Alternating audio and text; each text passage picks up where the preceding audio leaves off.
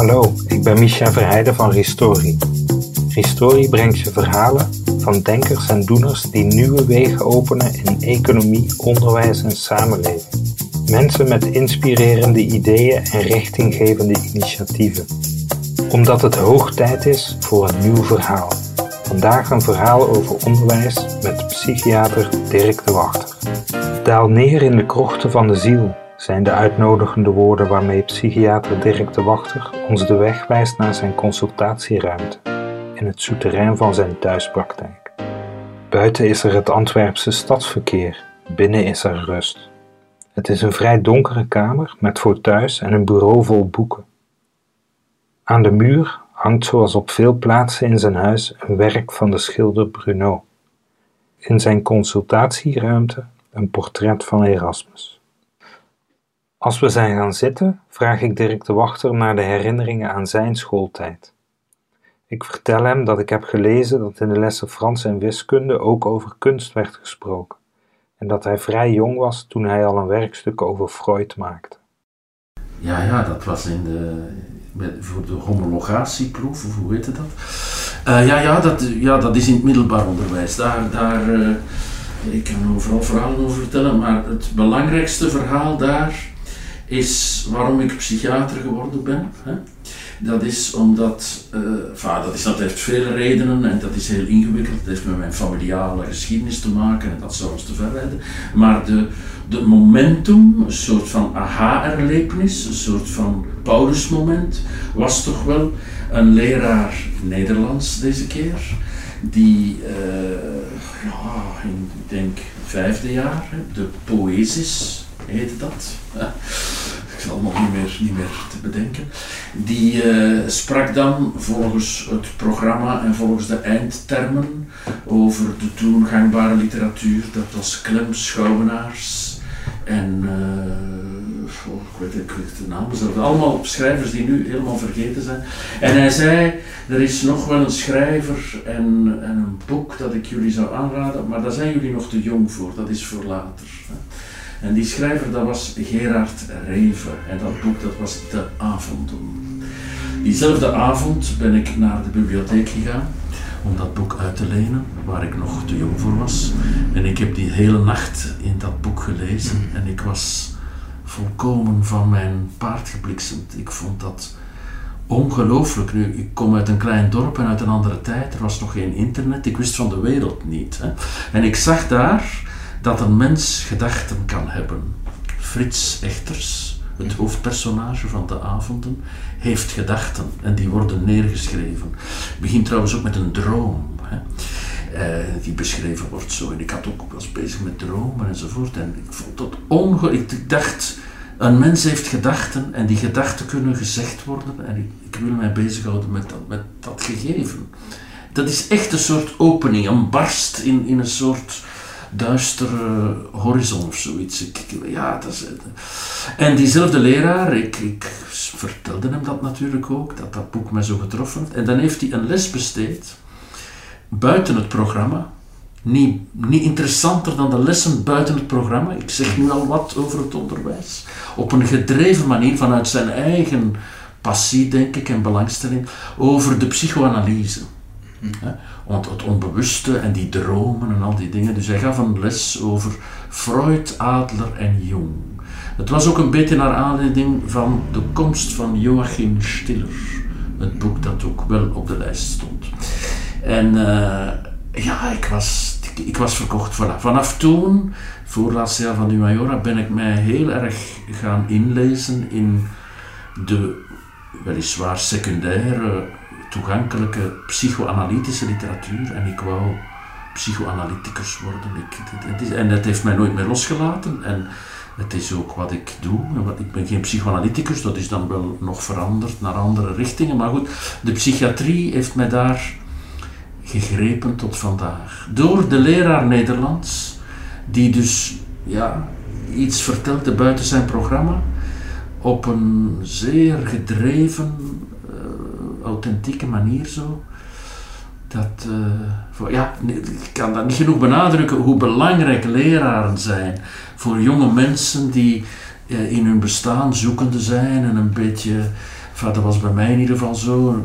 Niet dat ik zeer ongelukkig was hoor, maar in ieder geval zeer twijfelend en zoekend en niet goed wist wat, wat moet ik hier met mijn bestaan, wat is dat hier voor een gedoe. Borderline Times, het boek waarin hij overtuigend duidelijk maakt dat psychiatrie de spiegel van de wereld is, maakte Dirk de Wachter tot een bekende Vlaming. Niet dat hij daartegen is, maar het maakte ook dat hem over van alles en nog wat naar zijn mening wordt gevraagd. Nu dus ook over onderwijs. Hoewel dit interview ook niet helemaal uit de lucht komt vallen, omdat hij door EduNext als hoofdspreker is uitgenodigd op de onderwijsbeurs SET, neemt hij toch een bescheiden houding aan als het over onderwijs gaat. Kijk, ik ben geen onderwijsexpert, laat me dat heel duidelijk. Ik, ik kan alleen maar out of the box vertellen over die dingen. Vanuit mijn eigen ervaring een beetje, vanuit mijn kinderen ervaring. Allee, ik, het is niet dat ik buiten de wereld sta, maar ik ben geen expert. Hè. Maar ik denk, uh, het onderwijs heeft de taak om mensen dingen te leren. Ik vind dat echt nog altijd ook een kerntaak, om dingen te leren. Maar even belangrijk is natuurlijk het sociale aspect, om ergens in de wereld een plek te vinden, eh, een verbinding te maken. En dan vind ik erg belangrijk, in mijn leven is dat altijd erg belangrijk geweest, uh, het, het, uh, het, het, fenomeen van de meester. Is een beetje, misschien raar, een beetje ouderwets zelfs, hè, maar ik hecht heel veel belang aan een meester. Mm Ik heb mij altijd heel erg graag aan een figuur kunnen hechten, hechting, waar ik ja, wel iets kon van leren, maar waar ik mij ook een stukje kon mee identificeren. Waar ik dacht van dat, dat, dat ja, die, die zijn leven zijn, omdat het waren allemaal mannen in mijn tijd, hè, in het college met jongens en met leraren, waar ik een stukje kon mm, ook ja, niet alleen leren in de, in de zin van informatie, maar ook in de zin van leven. En ik heb het grote geluk gehad van uh, een aantal meesters in mijn leven te mogen meemaken, ook in de psychiatrie. Hè. Ik heb een, een, leermeester gehad in, in mijn vak, door zo, dat was Luc Isebaard, uh, uh, vorig jaar overleden, die mij eigenlijk als psychiater een, ja, een identiteit gegeven heeft. En dan vele jaren later, bijvoorbeeld nog, er zijn nog ontmoetingen, maar heel belangrijk was Sam IJsering, een filosoof in in Leuven, waar ik ook heel veel mee heb mogen lezen en nadenken. Dat zijn mensen ja, die mij gemaakt hebben, eigenlijk mhm. zo. Ja, misschien, ja, voilà, ik vind dat heel, mhm. voor mij is dat heel belangrijk geweest en ik zie dat dat ook in mijn vak heel belangrijk is, dat mensen nood hebben aan de psychiater, die niet alleen ja, een soort technicus is die zegt wat er kan gebeuren, maar die als mens aanwezig, als hechtingsfiguur, zo noemen we dat. Ja, dat, denk, ja, dat dat erg belangrijk is in het leven in het algemeen, ook in het onderwijs. Staat zelf ook eh, voor de klas hè, op de universiteit. Ja. Uh, welke boodschap vindt u belangrijk om over te brengen? Uh, ja, oh, oh, dat is een ingewikkelde vraag. Maar kijk, mijn lessen zijn wat anders dan bij anderen. Uh, dat had u wel kunnen verwachten, zeker. Mm maar kijk, ik heb die cursus overgenomen van Manu Keerse, de cursus die ik geef. Manu Keerse, de bekende rouwspecialist. We hebben samen een boek geschreven dat eind van dit jaar uitkomt. En de kern van de cursus zijn getuigenissen van patiënten, ervaringsdeskundigen, die komen vertellen over hun leven met een handicap, met een beperking, met een lastigheid. Een blinde patiënt, een patiënt met een geschiedenis van kanker, een patiënt die of een dame die haar partner heeft verloren aan suïcide, een patiënt met schizofrenie, een patiënt met multiple sclerose. Die komen vertellen over. Dus ik geef een raamwerk, een beetje theorie, dat moet er ook wel een beetje zijn. Maar verder bestaat de cursus uit getuigenissen. Uh, ja, dus mijn boodschap, impliciet, dat is luister naar de patiënt die heeft iets te zeggen. Hè. Mhm. En dat doen ze ook. Hè. Als die uh, getuigenissen aan bod zijn, dan is die, dat auditorium, waar dan twee, drie, vierhonderd studenten zitten, muisstil. Als ik mijn les geef, dan wordt er geroezemoest en gefoefeld en gezeverd. En dan zitten ze op hun Facebook. Te, zitten allemaal met hun laptop. Hè. En dan, uh, enfin, het gaat nog zo, hè, maar toch, dan is het duidelijk zo een beetje halvelings zo. Maar als die getuigenissen spreken, is het muisstil. Dus dat raakt hen wel. Hè. En het examen bestaat er zo in dat zij een, uh, zelf op zoek moeten gaan naar iemand met een verhaal van verdriet en tekort en, en, en miserie. Hè. En daar een interview moeten doen, volgens een framework uh, dat een beetje ja, de cursus volgt dan zo. En dat, daar maken ze een paper van en dat stellen ze dan voor voor de groep enzovoort. Dus, dus, ze worden heel erg aangezet om de mens te ontmoeten en het verdriet niet uit de weg te gaan. Dus dat is eigenlijk wat, waar het echt over gaat. Ja. ja. Is, is dat dan ook wat u uh, in het begin, voordat eigenlijk de opname startte, dat u zei van Restory, dat is wat ik doe? Ja, natuurlijk. Ja, maar ja, dat is mijn werk. Ik ben een narratief therapeut. Narratief betekent dat ik geloof in de mens als verhaal. Hè? Uh, wij zijn verhalen, wij zijn dieren die spreken en dat spreken maakt ons mens en ons verhaal maakt wie we zijn. Ik maak de mensen hun verhaal niet, maar ik probeer in de dialoog met mijn patiënten tot een beter verhaal te komen. A better story. Hè?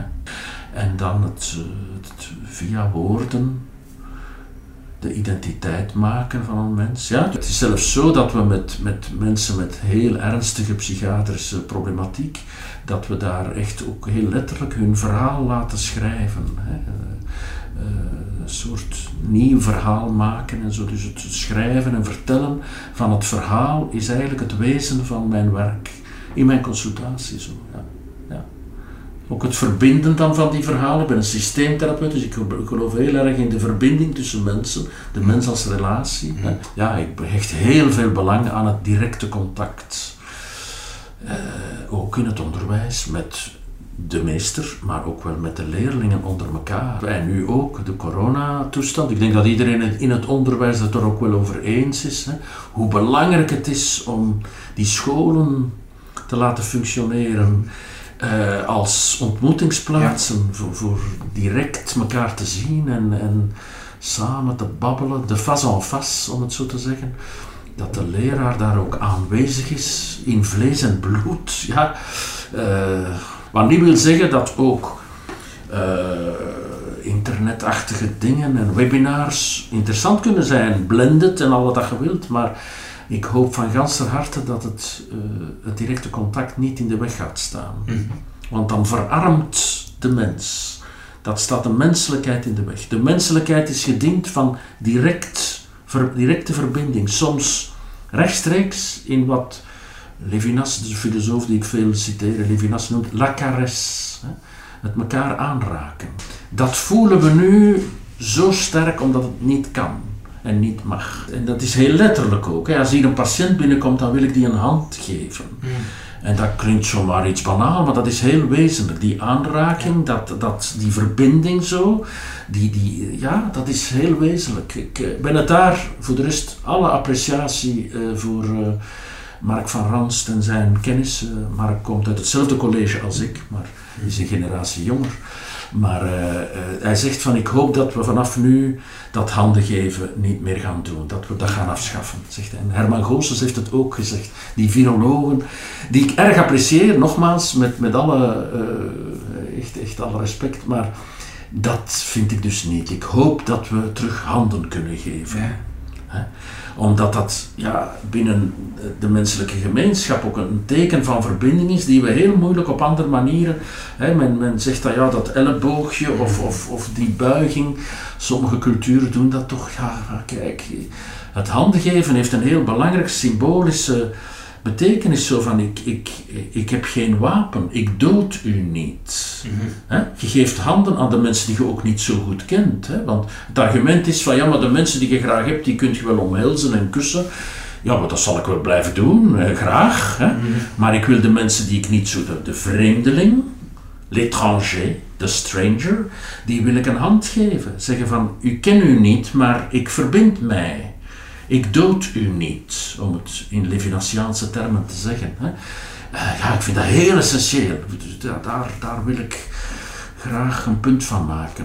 Tegen de virologen, stel u voor. Zij maken de werkelijkheid vandaag. Hè. Ja, er, er komt een beetje tegenwind. eh. En met alle respect voor de figuren aan zich, hè, want Erika Vlieg was een beetje ontstemd van de kritiek. Ja, ik, ik persoonlijk in ieder geval bedoel het alvast niet tegenover hen eh, als mens, maar tegenover ja, het, het, het, het maatschappelijke gebeuren dat de werkelijkheid toch wel heel erg door de virologische gevaren is, is gemaakt. Ja. En, en we zijn nu een beetje verder, er is voortschrijdend inzicht. We hebben een klein beetje meer greep op de werkelijkheid, dus we kunnen toch wat beginnen nuanceren hè, en kritisch reflecteren. Het gebrek aan die verbinding eh, gaat straks veel overwerk eh, betekenen. Voor mij, Ja, ja, dat is wat ik van in het begin al eh, geponeerd heb. Daar is ook veel kritiek op geweest. Kijk, dat is niet eh, mijn, dat is ook mijn aanvoelen, maar dat komt uit wetenschappelijke literatuur, zowel uit de Verenigde Staten, uit China ook, uit stilletjes aan ook Europa, komen toch heel veel wetenschappelijke analyses dat stress en depressie en angst en posttraumatische stressstoornis en middelengebruik en al die parameters van de psychopathologie significant toenemen eh, na de quarantaine. Na de, dus, dus ja, dan denk ik, daar moeten we toch op bedacht zijn. Eh, het, is een gegeven, voilà. En we moeten dus, dan hoop ik dat, hè, dat we kunnen nadenken over de geestelijke gezondheidszorg, die toch de voorbije decennia altijd een klein beetje het stiefkindje geweest is van de gezondheidszorg. Nu ook weer. Hè. Eh, alle bedden werden vrijgemaakt, en terecht, hè, voor de intensieve zorgen en voor eh, de beademing enzovoort. Hè. Maar gaan wij bedden en personeel en geld hebben de volgende maanden en jaren voor de, de, de grote hoeveelheid depressie, psychose, angst, middelengebruik en noem maar op, dat ons te wachten staat. Eh, ik ben niet altijd optimistisch daarover. nee. En eh, om nog even terug naar onderwijs en jongeren te gaan, lopen die daarbij een, een extra risico? Eh, als, je zo, als ik kijk naar onze dochter van 14, die heeft school echt gemist. Mhm. En de, ze is nu Het is weer een gezonde sinds een half jaar. Laat mij u geruststellen. Zij die de school niet gemist hebben, daar maak ik mij grote zorgen over. Hè?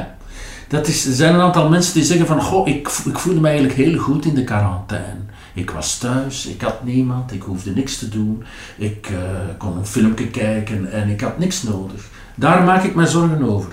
Als mensen zeggen van, goh, mij, dat was toch niet gemakkelijk, ik heb dat gemist. Ik miste mijn vriendjes, ik miste de... Enzovoort, denk ik van, oké, is goed, goed zo, doe maar. Dat zit goed, Ja. dat komt in orde. Ik wil natuurlijk ook niet te snel psychiatriseren. Dit is problematisch, hier moeten we op inzetten. Laten we binnen de normaliteit, in het onderwijs, met de meester, met de leerlingen onder elkaar, met de school als systeem, dit probleem onderkennen en daar zo goed mogelijk mee omgaan. Bespreekbaar maken, verbinding maken enzovoort. Hè. Zodanig dat we niet te snel, wat soms dreigt, psychiatriseren. Want dat is wat de wereld doet. Hè. De wereld maakt elk tekort en verdriet en lastigheid, maakt dat een diagnostisch etiket. Dat was heel mijn discours van Borderline Times. Hè. Om het dan ja, naar de psychiater te sturen, die met lange wachtlijsten geen tijd heeft om dat allemaal aan te pakken. En zo zit dat helemaal strop. Hè. Zo krijgen we een wereld die compleet gepsychiatriseerd is en tegelijkertijd machteloos is om daar iets aan te doen. Dus preventief, denk ik, heeft het onderwijs, maar ook andere sociale structuren, een heel belangrijke taak om die verbinding, die bespreekbaarheid en dan, mijn thema, het leven met lastigheid en tekort ook goed te leven. Dan zeggen, ja, die corona, dat was me wat zeg, daar heb ik het lastig mee gehad. Daar moet ik niet van naar de psychiater. Nee, nee, daar moeten we samen eens een keer over spreken. En eens een, eh, voor mijn part een traantje laten. En eens zagen en zeveren en klagen. En ambetant doen tegen elkaar. En, en elkaar vinden. En eh, een pintje drinken, geen twintig pinten, maar een pintje. En uh, enzovoort. Dus de, ja, de, daar heeft het, het, socialiserende weefsel van de school een belangrijke taak. En de leerkrachten een belangrijke taak om dat ook aan te kaarten, om daar iets mee te doen. Mhm. Het is ook een opportuniteit zelfs om, om met dat lastige gegeven aan de slag te gaan en te gaan wijzen op de nood aan verbinding, de nood aan nabijheid. Dat, ja, dat hebben we nu toch onder. Nogmaals, in het verbod toont zich toch de grote nood. Mhm. Niet naar school mogen gaan. Dat is verschrikkelijk. Dat is een van de, van de verworvenheden van de moderne tijd. Ik zeg dat vaak aan zo jonge mensen, vaak zeg het niet rechtstreeks, want dat werkt dan toch niet, maar dat denk ik dan toch. Als jonge mensen zeggen, ik wil eigenlijk niet naar school gaan, dan denk ik, maar jongen, onze voorouders hebben daarvoor gestreden. Hè? Dat kinderen naar school kunnen gaan, dat ze kunnen leren, dat ze van de wereld kunnen weten, dat ze met elkaar kunnen omgaan en dat ze niet, zoals bij mijn streek, de Ruppelstreek, op hun acht jaar als kind in de, in de steenbakkerijen stenen moesten dragen. Om uh, een beetje geld te verdienen, om uh, de alcohol voor hun verslaafde vaders te betalen. Miserie. Hè? Mm -hmm. Wat een chance dat we daar voorbij zijn. Dus school is echt wel uh, een, een, een godsgeschenk om het seculier uit te drukken. Dit was het Historie-interview met Dirk de Wachter. Je hoorde ook de stem van Elke Leijman. De productie en de muziek bij dit verhaal komt uit haar handen. Meer verhalen van denkers en doeners vind je op restory.be.